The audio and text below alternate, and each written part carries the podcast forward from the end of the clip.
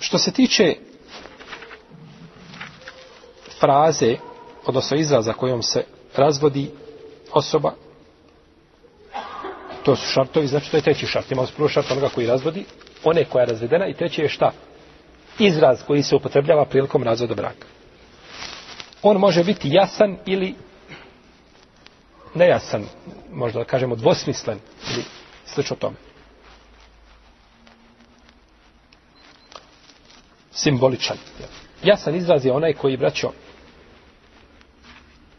kada se izgovori, ne može se odnositi na što drugo.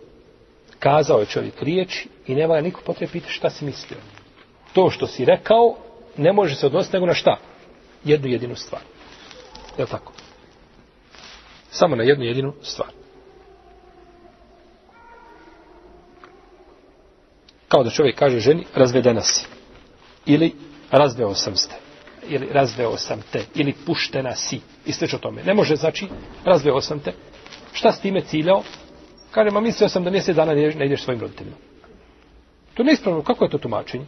Riječ razveo se, znači koristi za jednu, znači za jednu stvar i ne može se koristiti znači za druge stvari, jel u ovome slučaju.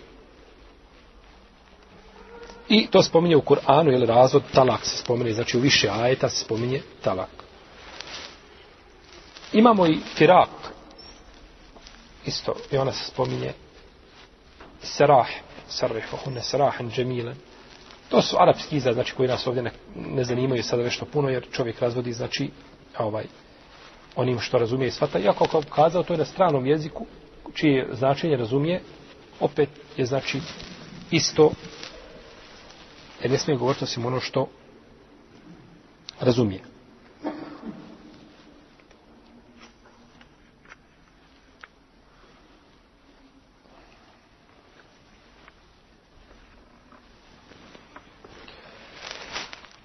Ovaj e, nejasni izraz, odnosno dvosmislen izraz, on se razlikuje, braćo, od vremena i podneblja. Ponekad određen, alekom sala, ponekad određena stvar u određenom vremenu i podneblju, znači je jasna da se cilja time razvod braka. A u nekim podnebljima ili nakon vremena kod nekih ljudi nije. Pa se znači to mora se uzeti u obzir da se niko ne bi optaretio mimo svojih mogućnosti. A,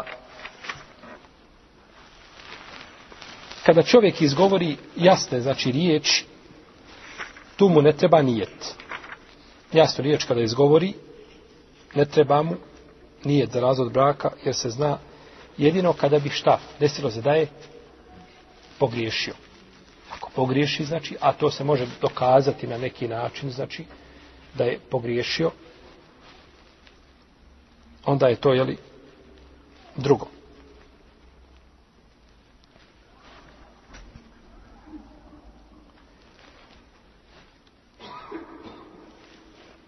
Pa je dovoljno da čovjek izgovori znači riječi koje su jasne i nedvosmislene i nakon toga se znači desio ili razvod braka.